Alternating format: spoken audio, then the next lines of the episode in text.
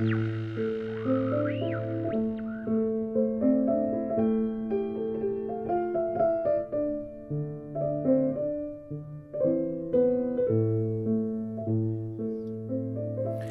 ben Onur Akmehmet. 11.18'i takip edenler artık sesimi tanıyor. Programların sunumunu yapıyorum ve aynı zamanda 11.18'in kurucularından biriyim. Burası Türkiye'nin ilk ve tek gerçek insan hikayeleri üzerine kurulu sesli içerik sitesi. Türkiye'nin dört bir köşesinden, insanların kendi sesinden yaşanmış hikayeleri topluyoruz. Taksim'deki merkezimizde programlaştırıp sitemiz üzerinden yayınlıyoruz. Bu hikayeleri cep telefonun, tabletin veya bilgisayarından istediğin her an sadece bir oynat tuşuna basıp dinleyebilirsin. Bu haftaki programda ölüm var. Ölüm belki de hayatın en çıplak, en sıradan gerçeği. Zira her gün bu dünyadan 100 bin, 200 bin insan ayrılıyor.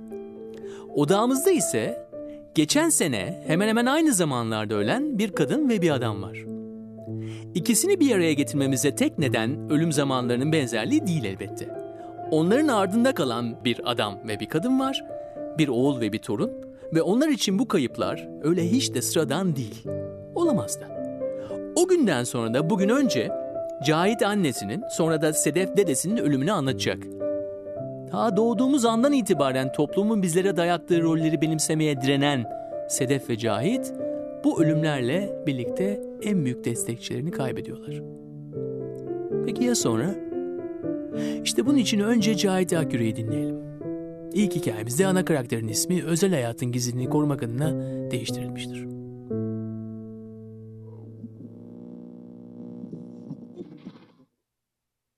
O anı aslında biraz canlandırayım. Çok enteresan.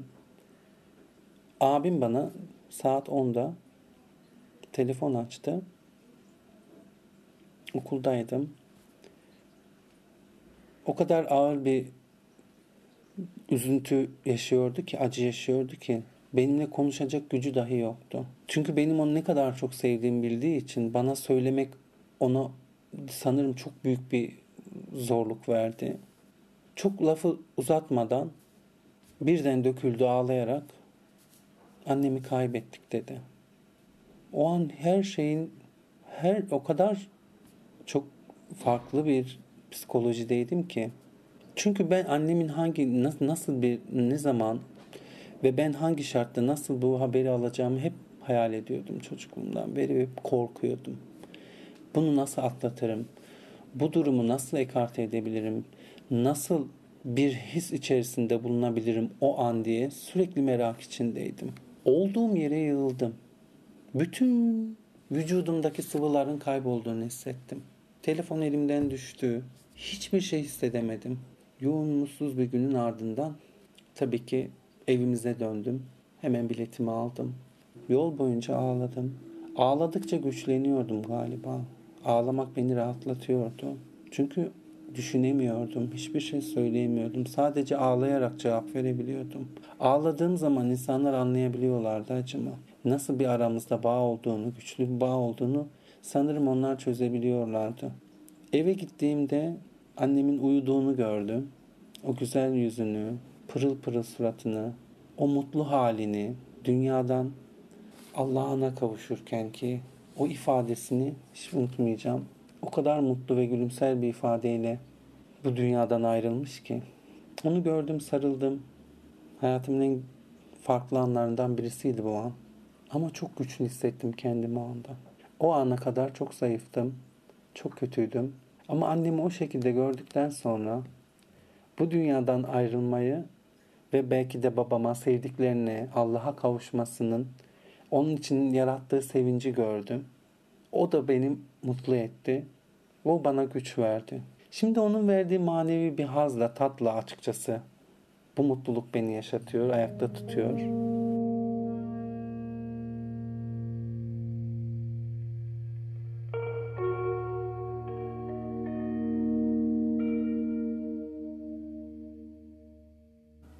1979'da güzel ve yağmurlu bir günde bir akşam üzeri dünyaya gelmişim. Aslında gelişim de tamamen sürprizlerle oluşuyor. Tabi o yıllarda ultrason gibi e, bilimsel bazı şeyler, veriler olmadığı için insanlar hamileliklerinde tahmini süreçlerde çocuklarının cinsiyetlerinin farkına varıyorlar. Annem sanırım benim sürecimde benim bir kız çocuğu olarak dünya, dünyaya geleceğimi düşünerek hamileliğinde büyük bir yanılgı yaşamış. Bütün hazırlıklarını bir kız çocuğu üzerine yapmışlar. Nitekim ben doğduğum gün büyük bir sürprizle karşılaşmışlar ve bir erkek çocuğu olarak dünyaya gelmişim. Bu da onlarda ilginç bir hayal kırıklığı yaratmış. Ee, sanırım benim bütün hikayem o günkü ayrıntılarda saklı. O günkü sürprizlerde saklı. Erkek bir çocuk olarak dünyaya geldim ama ruhum tamamen bir kadındı. Hastanede e, zor bir dönem geçirmişim. E, hasta olarak dünyaya gelmişim ve beni bir küveze koymuşlar. Tedavi olma sürecindeyken sanırım küvezde beni unutmuşlar hemşireler ve bir sıkıntı yaşanılmış. Ölmek üzereyken annem bir anda uykusundan sıçrayarak can havliyle beni kurtarmış o anda. Yani yanmaktan son anda kurtulmuşum.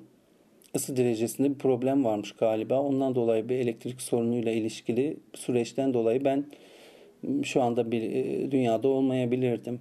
Ama anne hissiyatı ve duyarlılığı e, bir şekilde benim yaşamam için direnmiş.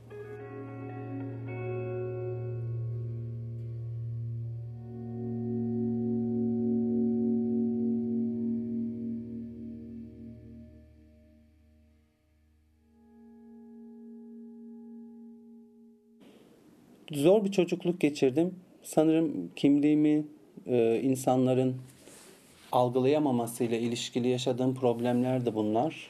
Hep bunlar için mücadele ettim. Okul yıllarım da tabii ki bu anlamda zor geçti. Okul arkadaşlarım beni kavrayamaması, öğretmenlerimin algılayamaması, hep davranışlarımın yargılanması, aileme bu şikayetlerin gitmesi, acaba benim hasta bir birey olup olduğumu üzerinde tartışmaları. Bunlar benim yakinen şahit olduğum ve duyduğum konular olduğu için beni sürekli yaraladı ve çok üzdü. Bu konuda çok e, sıkıntılar yaşadım gerçekten. Zeki ve çalışkan bir öğrenciydim. E, ama sorun olan noktada benim davranışlarımdı. Çünkü bedene uymayan bir ruhsal davranış sergiliyordum. Oysa ki ben aslında neysem onu yaşıyordum. Beni anlamayan çevremdeki insanlardı.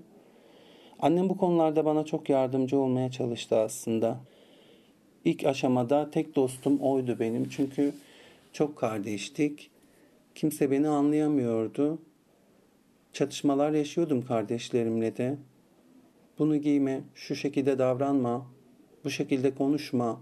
Sürekli uyarılar ve dönüklerle yaşayan bir çocukluğun gerçekten zor olduğunu fazlasıyla yaşadım. Annemle gelgitli bir süreçler yaşamaya başladık. Benim ergenlik dönemim sancılı geçmeye başladı tabii ki. Daha fazla hissiyatımı ve kendi e, benliğimi kazandığım süreçte isteklerim ve beklentilerim gelişmeye başladı. Bunu da tabii ki bazı süreçte gizli yaşamak zorundaydım. Bu gizli, gizli süreçlerde de kendi kimliğimle çatışma yaşıyordum. Bu anlamda ben neyim, ne olmalıyım, neden bunları yaşıyorum, niye yaşıyorum gibi soruları sürekli kendime soruyordum. E, farklı olan sadece benmişim gibi algılıyordum. Oysa ki birçok insan vardı benim gibi yaşayan, kimlikleri benim gibi olan, bu çatışmaları yaşayan. Ama o süreçte böyle bir arkadaş çevrem yoktu. Annemle de çok paylaşmayı istediğim bazı konular vardı. Bunun e, ne derece doğru olup olmadığı konusunda kendi kendime sürekli sorular soruyordum.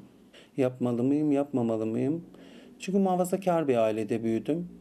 Muhafazakar insanlar e, doğal olarak bazı şeyleri algılamakta çevrenin değer görüşlerine göre belli yargılara var, varabilirler. Bu onların yaşam biçimlerinin bir göstergesi. Doğal olarak bu da beni çoğu zaman engelledi. Ama annemle aramızdaki ilişki tabii ki çok güzeldi ve ben üstü kapalı olarak ona birçok şeyimi anlatıyordum ve yardımcı olmaya çalışıyordu. İçimdeki ızdırabı hissedebiliyordu aslında.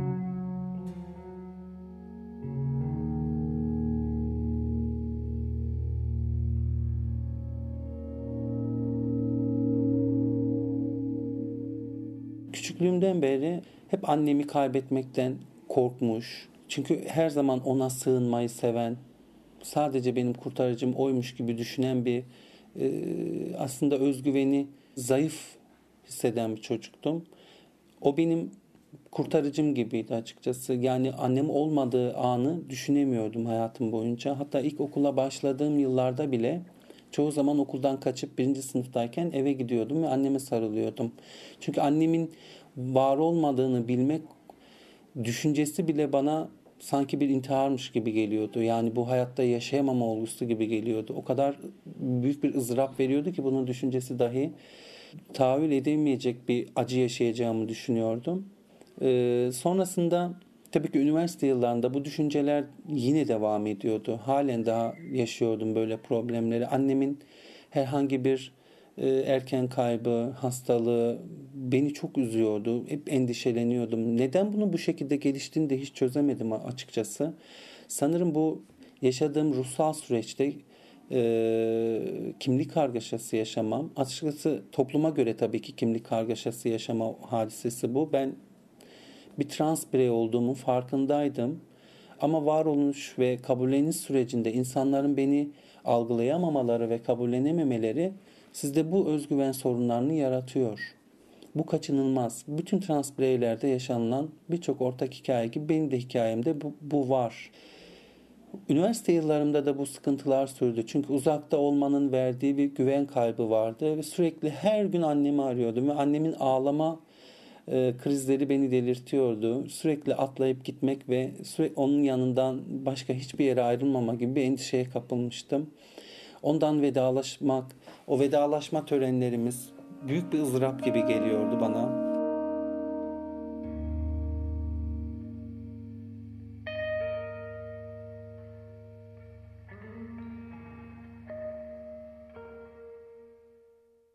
Üniversitenin son yılda babamı kaybettim. Ani bir kalp krizi sonucu hayata veda etti. Babamdan sonra annem bilinçli bir inzivaya çekildiğini düşünüyorum. Çünkü babamın ölümü onu çok üzdü. 45 senelik bir ilişkinin ardından tamamen güvendiğiniz, bağlandığınız, inandığınız bir insanın aniden yok olması sanırım çok derin bir travma yaratıyor insan hayatında. Ee, neşesi söndü. Annemin neşesinin söndüğünü hissettim. Hayata küstüğünü hissettim. Ve bu beni daha da üzdü açıkçası. Daha çok mutsuz etti. Sonrasında gelişen tabii ki hastalık evresi. 15 yıl süren bir omurilik hastalığı ve yatağa mahkum olması sonrasında annemin kaybına kadar giden bir süreci oluşturdu. Annemi, anneme bağlılığım tabii ki bu dönemde daha fazla hissi bir noktaya vardı. Ona yardımcı olmak, onun yanında olmak, sürekli onu mutlu etmek ve memnun etmek için hepimiz çabalıyorduk. Ben daha fazla tabii ki bu konuda bazı şeyler hissediyordum.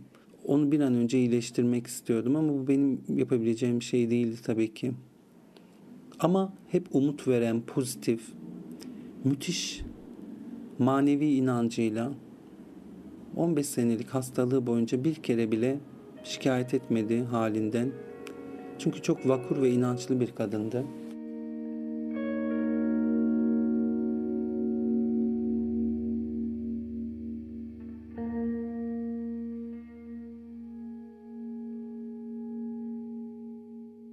Üniversitede daha fazla sosyal hayatım vardı. Manevi anlamda uzaktım. Zeki bir insan olduğumu düşünüyorum ve birçok arkadaşım üretken.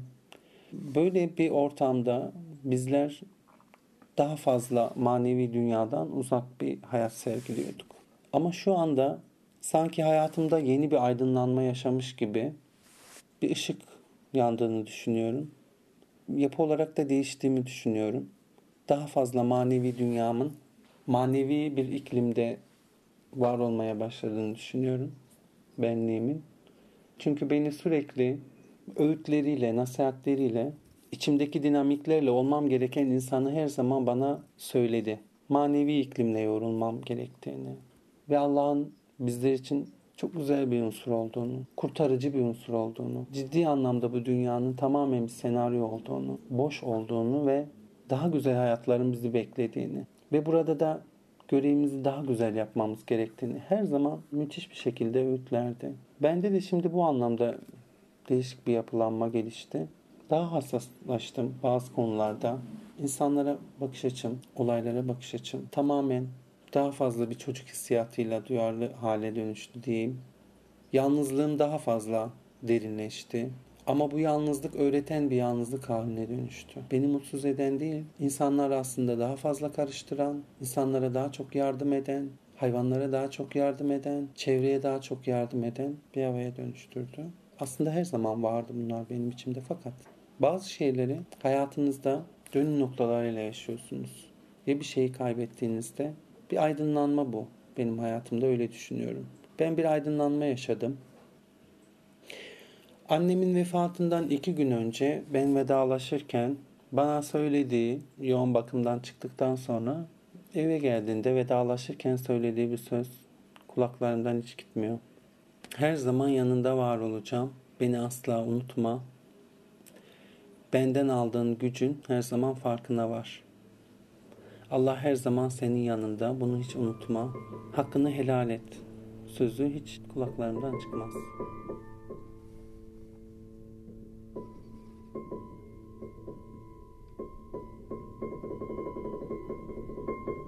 Cahit hayatı boyunca kabul görmeyi bekledi.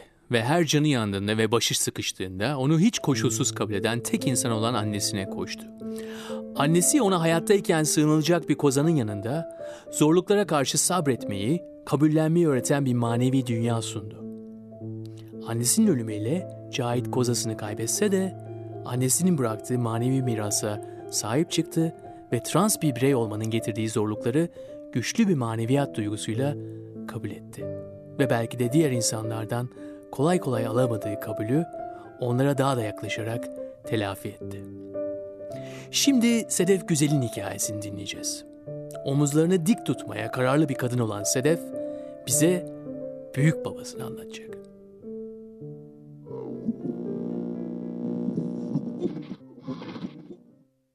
Bir gün gittiğimde hiç hatırlamadım.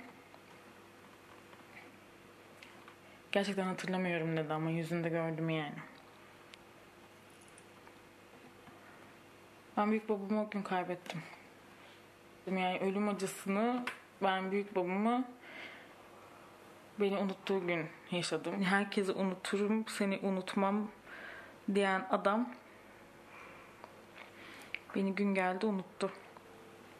Bir hafta etkisinden çıkamadım gerçekten ağladım devamlı nasıl unutur diye böyle yediremedim. Çünkü hani sizi var etmiş, sizi siz yapmış ve hani sizin bir yerlere gelmeniz için çabalamış. Sizin hep yanınızda olmuş her konuda.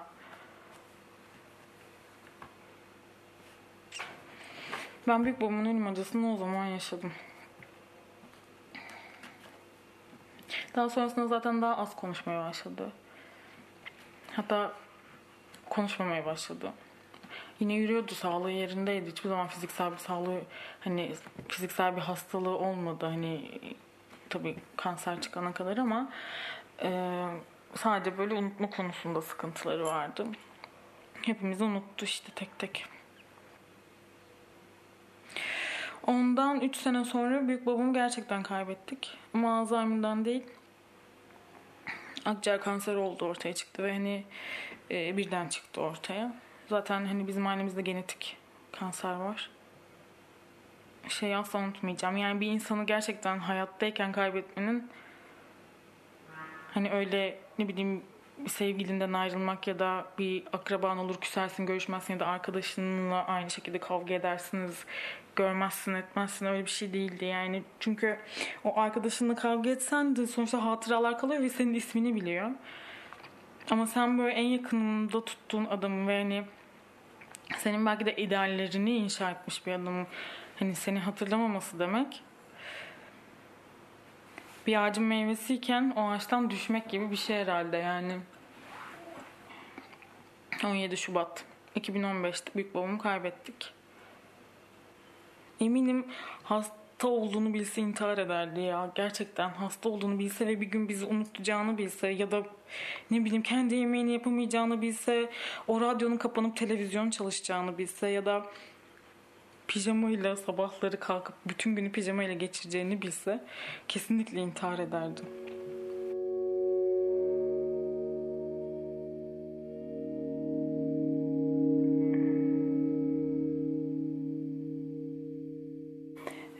Genelde doğa aşığıydı ve asla ve asla pijamayla göremezdiniz.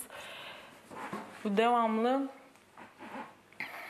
düzenli yaşardı. Sabah 7'de kahvaltısı vardı, 12'de öğle yemeği vardı. Akşam 5'te de son yemeğini yerdi. Yemek dediğimde yoğurt. Sağlığına çok düşkündü. Dışarı çıkıp yürüyüş yapılmasa bile evin içinde yürürdü. Devamlı az yememiz gerektiğini, çok hareket etmemiz gerektiğini ve e, spor yapmamız gerektiğini söylerdi. Böyle birlikte çıktığımızda uğur böceklerine bile ne kadar saygı duymam gerektiğini, bastığım toprağa ne kadar hakim olmam gerektiğini öğretti bana. Dokunarak yaşamayı ondan öğrendim. Yani insanlara dokunmaktan kastetmiyorum. Tabii ki de o ayrı ama yaşadığın dünyayı dokunarak keşfet, koklayarak keşfet. Sadece görmek yetmez derdi. Doğaya aşkını anlatırdı. Severdik yani böyle avucumuzun içine alıp böyle doğayı severdik gerçekten. Tam tabiri bu. Avucumuzun içine alıp severdik. Büyük babam öğretmen, emekli öğretmen ben tanıdım tabii çalışmış bir dönem ama öğretmen Karslı. 1932 doğumlu, köy enstitüsü mezunu. Çok idealist, demokrat, herkesi böyle kucaklayan bir yapısının olmasının yanında kendi fikirlerini de bir ne kadar savunur, tartışır ama boş konuşmaz, okur, kesinlikle okuyan bir adamdı. Köy enstitüsü zamanlarından edindiğim bilgiler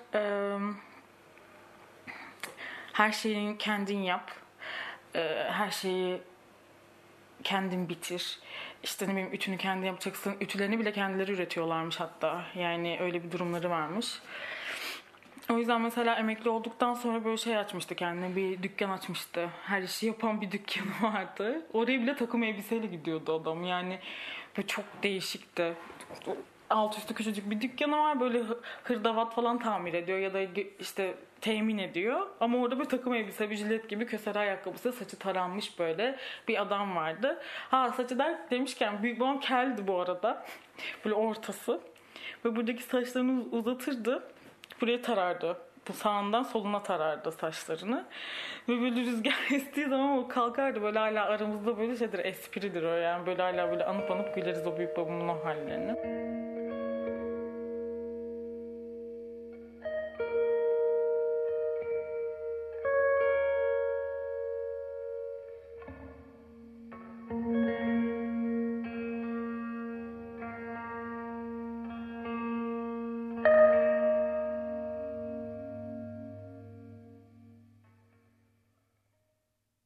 Ben normalde anneanne tarafına daha yakın büyüdüm. Yani büyük babam babamın babası. Anneanne tarafında daha vakit geçirirdim. Ama mesela büyük babamla hafta sonları görüşürdük ve onlarla olmaktan daha büyük keyif alırdım. Nedense bilmiyorum. Kısıtlı zamanla alakası yok. Çünkü geçirdiğimiz zaman çok kaliteli oluyordu. Yani sırf bizim için böyle bir köyün vakıf köy derler Bursa'da. O zaman tabii köydü köyün içinde bir ev tuttu. Sırf böyle bahçesinde vakit geçirelim falan diye. Böyle şişme havuz almıştı. Böyle dokuz tane kuzen küçük, küçücük havuzun içine sığıyorduk üst üste. Ve fotoğrafımız da vardır. Yine mutlu oluyordu adam. Böyle dolduruyordu onun içini. Yine takım elbisesiyle tabii. Dolduruyordu içine giriyorduk üst üste alt alta cıvıl cıvıl çocuklar. Böyle bahçesi kocamandı. Çıkartırdı dediğim gibi bize böyle.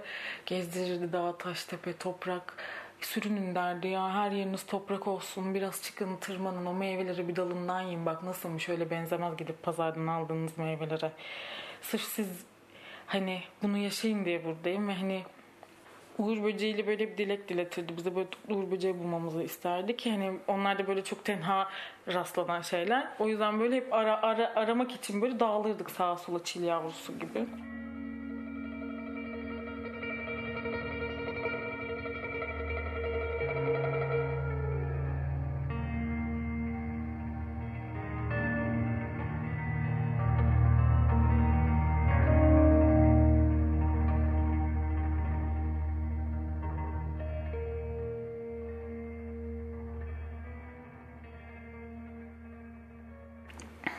Küçüklüğümde e, hep beni böyle diğer kuzenlerimden hatta belki de evlatlarından bile kayırırdı. Hep böyle özel olduğumu söylerdi. Hep sen bir tanesi biriciksin, sen benim ceylanımsın derdi.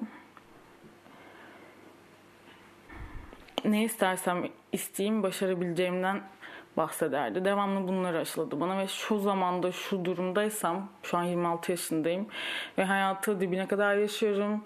Yaptığım hiçbir şeyden pişman olmuyorum. Çünkü olmamam gerektiğini o öğretti. Sen hep doğrusunu yaparsın. Doğru olmasa bile hak, et, hak ettiğin şeyi yaparsın derdi. 5-6 kuzendik. Hepimiz aynı yaşlara sahiptik. Ee, böyle kucağına alır böyle omuriliklerimizi sayardı tek tek böyle. Ve hani büyüdüğümüzü o sayılardan çıkartırdık. Böyle bir tane artmışsa o omuriliklerde. Evet bak büyüyorsunuz boyunuz uzuyor derdi. Ama aslında bana sorarsanız vermek istediği mesaj o değildi. Çünkü kucağına alır o omurilikleri sayarken bir devamlı öğüt verirdi. Hani e, dediğim gibi biraz önce de sen e, güçlüsün. Sen ne istersen yaparsın sen çok güçlü bir kadın olacaksın, okuyacaksın, çalışacaksın, kendi paranı kazanacaksın ve asla kimseye ma- mecbur kalmayacaksın. Ben onu anladım. Yani o mucitleri saymasının sebebi hep dik dur Sedef. Hep hayata karşı dik dur. Bu omurları hiçbir zaman düşürme, omuzların asla düşmesin mesajı vermekmiş aslında. Yani hani çünkü vücudu ayakta tutandır omurilik ve hani seni de ayakta tutan şey senin kendine güvenin olacak demek istiyormuş. Sonradan böyle anladım. Elimi tuttuğu anda çok başka yerlere giderdim. Cidden öyle. Elimi tutup beni dışarı çıkardığı anda çok başka yerlere giderdim. Bu ses hala kulağımda.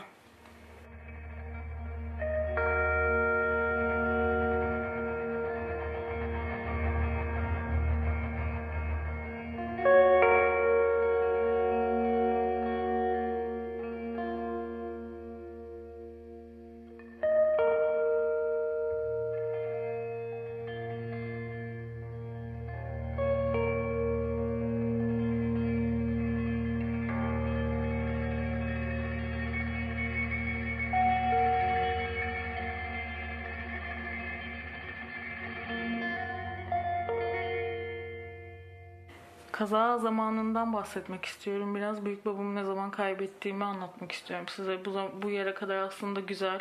Daha çok şey vardır anlatılacak ama anlattıkça açılacağım diye düşünüyorum. Büyük babam dediğim gibi e, çok böyle e, başına buyruk hani çok dik bir adamdı. Bugün yine dışarı çıkmış dolaşmaya ve bir trafik kazası geçiriyor. Araba çarpıyor e, hastaneden arıyorlar bizi işte kalçası kırılmış diyorlar. Fakat gittiğimizde tamamen aklını kaybettiğini gö- gördük. Yani mesela annemin bir jeti olduğunu ve o jetle gezdiğini hatta e, annemin e, kendi diğer amcamın karısı olduğunu falan söylüyor. İşte Adoş sen değil misin diyor mesela. Ondan sonra işte babaanneme kardeşi sanıyor. Kendi Nimet halam sanıyor falan bir bakıyorlar gitmiş aklı yani hani kaybetmiş bilincini ve o kazadan sonra biz büyük babamın Alzheimer olduğunu öğrendik. Onun öncesinde de belirtileri varmış aslında. Tabii biz bunların hani farkında varmıyorduk çünkü hani normal hayatını idame ettiriyor. Herhangi bir unutkanlık yok baktığında. Sadece büyük babaanneme karşı bir kurulmuşluğu vardı. Tek böyle derdi babaannemde. Ona karşı paranoyaları vardı. İşte babaannemin devamlı genç sevgilileri olduğunu, işte balkona çıktığında onlara kaş göz ettiğini, onlara kur yaptığını falan düşünüyordu. Dışarı çıkmasına izin vermiyordu. Sonra tabii bunun bu paranoyaların hepsinin bu Alzheimer başlangıcı olduğunu ve bu hastalığın sebep olduğunu gördük. Kazada tetikliyor beyni ve e, birden hani bir atak geçiriyor. Alzheimer ilerliyor kazadan o çarpma anından sebep. Hatta e, karakolda ceketin cebinden şey çıkmış. E, not çıkmış. Eğer bana bir şey olursa e, sebebi Serfinaz güzeldir diye. Yani öyle bir paranoyası varmış babaanneme karşı düşün. Yani bu mesela eğer tutanak olarak şey kayıt kayda geçseler babaannemi alıp hani götürebilirler, içeri atabilirler. Daha sonrasında tabii Alzheimer oldu ve ben büyük babamı artık evde pijamayla görmeye başladım. Kilo almaya başladı falan. Çünkü artık kendi yemeğini kendi yapmıyordu. Ve hani artık giyinmesinin bir anlamı yok çünkü farkında değil. İşte bir soruyu üç kere sormaya başladı, başlamıştı. Ben eve gidiyordum, geldiğimi fark etmiyordu. Tekrar kapıdan girdiğimde o kızım hoş geldin, nasılsın falan diyordu. Benim üniversiteye başladığım sene olacak. Yani ben 18 yaşındaydım. 2008 senesi olması lazım. İşte bir gittiğimde mesela zar zor hatırlıyordu. Kimin kızısın? Türker'in kızıyım. Ha Sedef sensin değil mi falan. Bazen böyle dalga geçerdi bizimle işte. Hatırlamıyormuş ayağını yatardı ama hatırlardı bizim böyle bir dalga geçerdi, gülerdi falan. Sonrasında işte e, benim bu kadar büyümüş olduğum kabullenemedi. Sedef dediğin küçük bir kız çocuğu değil miydi ya falan. Hani ben Sedef'i küçük bir kız çocuğu olarak bıraktım nasıl bu kadar büyüdü demeye başladı.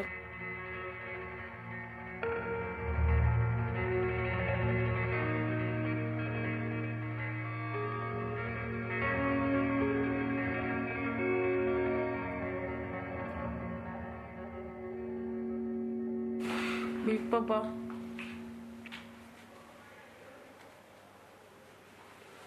Yirmi yedi yaşındayım. Üniversiteyi bitirdim. Şu an çalışıyorum. İstanbul'da yaşıyorum. Sen bilmiyorsun. Şimdi ne kadar hep böyle içimden geldi gibi yaşadım senin söylediğin gibi. Çünkü hani yanlış da olsa hep Sedef'in bir bildiği var derdin ya. Evet. Hep bir bildiğim oluyor büyük baba.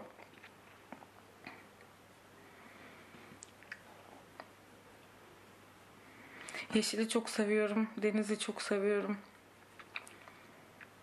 Ruhumu asla hapsetmiyorum. İçimden geldiği gibi yaşıyorum. Aşık oluyorum. Üzülüyorum, terk ediliyorum. Belki de aldatılıyorum, hiç bilmiyorum. Kardeşlerim çok güzeller. Onlarla ilgileniyorum. Babam yaşlandı, çok huysuz bir adam oldu. Aynı sana benziyor.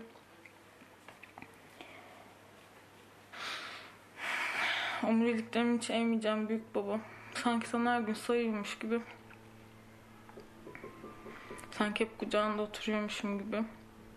Sanki hep bana Ceylan'ım diyormuşsun gibi hayatıma devam ediyorum. Seni çok seviyorum.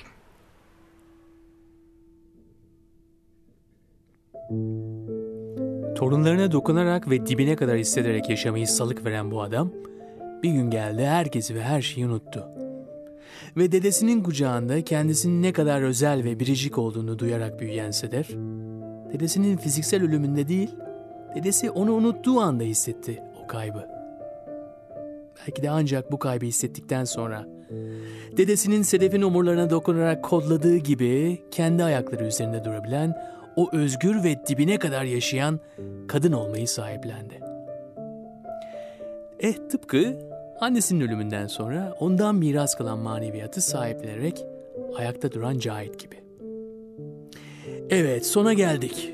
Bizim için özel olan insanlar niye özel diye sorduk. Bu iki hikayede cevaplarını araştırdık. Hayatta kalmak için neye ve kime sarılıyoruz? Kendi kimliğimizi nasıl oluşturuyoruz ve sahipleniyoruz? Bu sorulara birer perde aralamaya çalıştık senin de o günden sonra diye başlayan bir hikayen varsa veya hikayesi olan birisini tanıyorsan 1118.com'a ses kaydını gönderebilirsin. Eğer bu konuda yardıma ihtiyacın varsa birkaç cümleyle hikayeni özetleyebilir, iletişim bilgilerinle bilgi at 1118.com'a e-postada atabilirsin. Ekibimiz sana ulaşır ve kaydı yapmana yardımcı oluruz. Bir sonraki programa dek sevgiyle kalın ve unutmayın esasında hiçbir hikaye yalnız değildir.